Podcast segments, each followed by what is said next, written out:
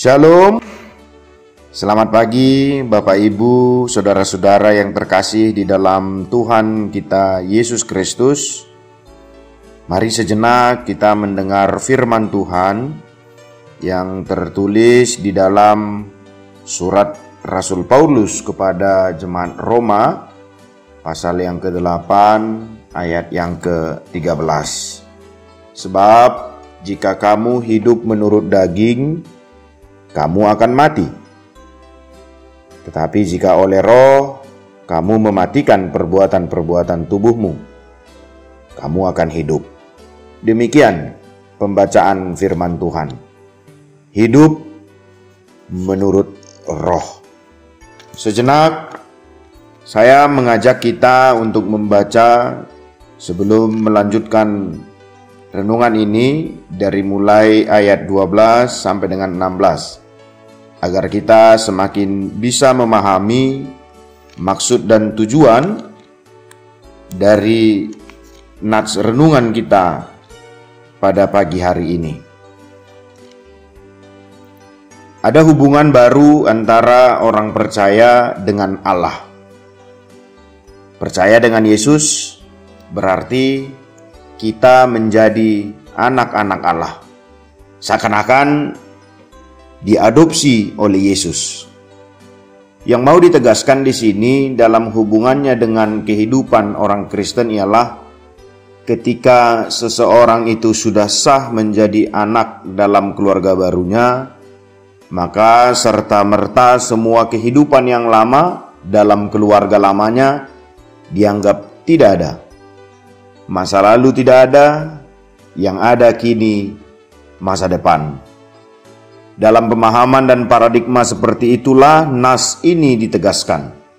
Sebab jika kamu hidup menurut daging, kamu akan mati. Tetapi jika oleh roh kamu mematikan perbuatan-perbuatan tubuhmu, kamu akan hidup. Yaitu pertama, kita adalah milik Kristus. Sehingga kita berusaha hidup sesuai kehendak Kristus. Orang percaya harus sadar bahwa dirinya adalah milik Kristus, bukan milik dirinya sendiri. Tujuan hidupnya bukan untuk menyenangkan dirinya atau tidak mengikuti keinginan daging, tetapi untuk menyenangkan hati Allah. Sama seperti seseorang yang membeli sepatu. Apabila sepatu itu sudah dibeli, maka sepatu itu berada dalam kekuasaan yang sudah membelinya. Entah orang itu pakai untuk menendang batu, menginjak lumpur, atau apa pun, sepatu itu tidak berhak komplain. Demikian juga kita sebagai orang percaya yang sudah dibeli dengan harga yang mahal oleh Kristus yakni dengan darah. Maka kita harus sadar untuk melakukan apa pun yang dikehendaki Kristus sebagai pemilik kehidupan kita. Yang kedua, kita adalah anak-anak Allah. Bapa kita sudah menjadikan kita sebagai pewaris kerajaan Allah. Berkat kekayaan di dalam surga sudah menjadi ahli waris kita di dalam Kristus. Maka hendaknya kita hidup sebagaimana hendaknya seorang anak-anak Tuhan. Jangan kita hidup semaunya, hidup mengikuti keinginan daging kita, tetapi berusahalah untuk meninggalkan perbuatan dosa keinginan daging, kebiasaan buruk yang tidak berkenan kepada Allah Bapa di sorga. Hiduplah sesuai dengan arahan Bapa. Sehingga jelaslah pesan Paulus kepada kita melalui nats ini. Sebab jika kamu hidup menurut daging, kamu akan mati.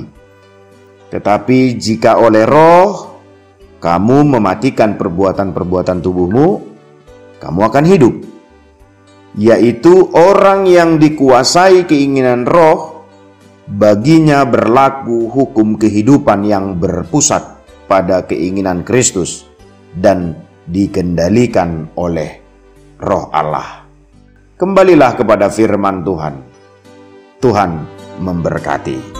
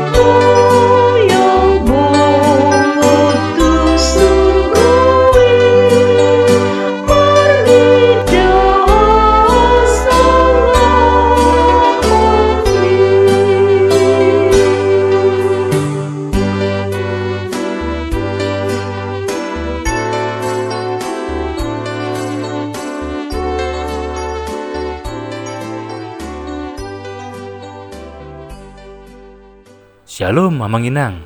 Terima kasih sudah mengawali hari dengan mendengarkan renungan hari ini.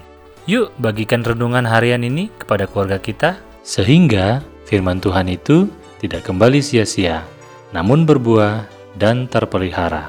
Tuhan Yesus memberkati.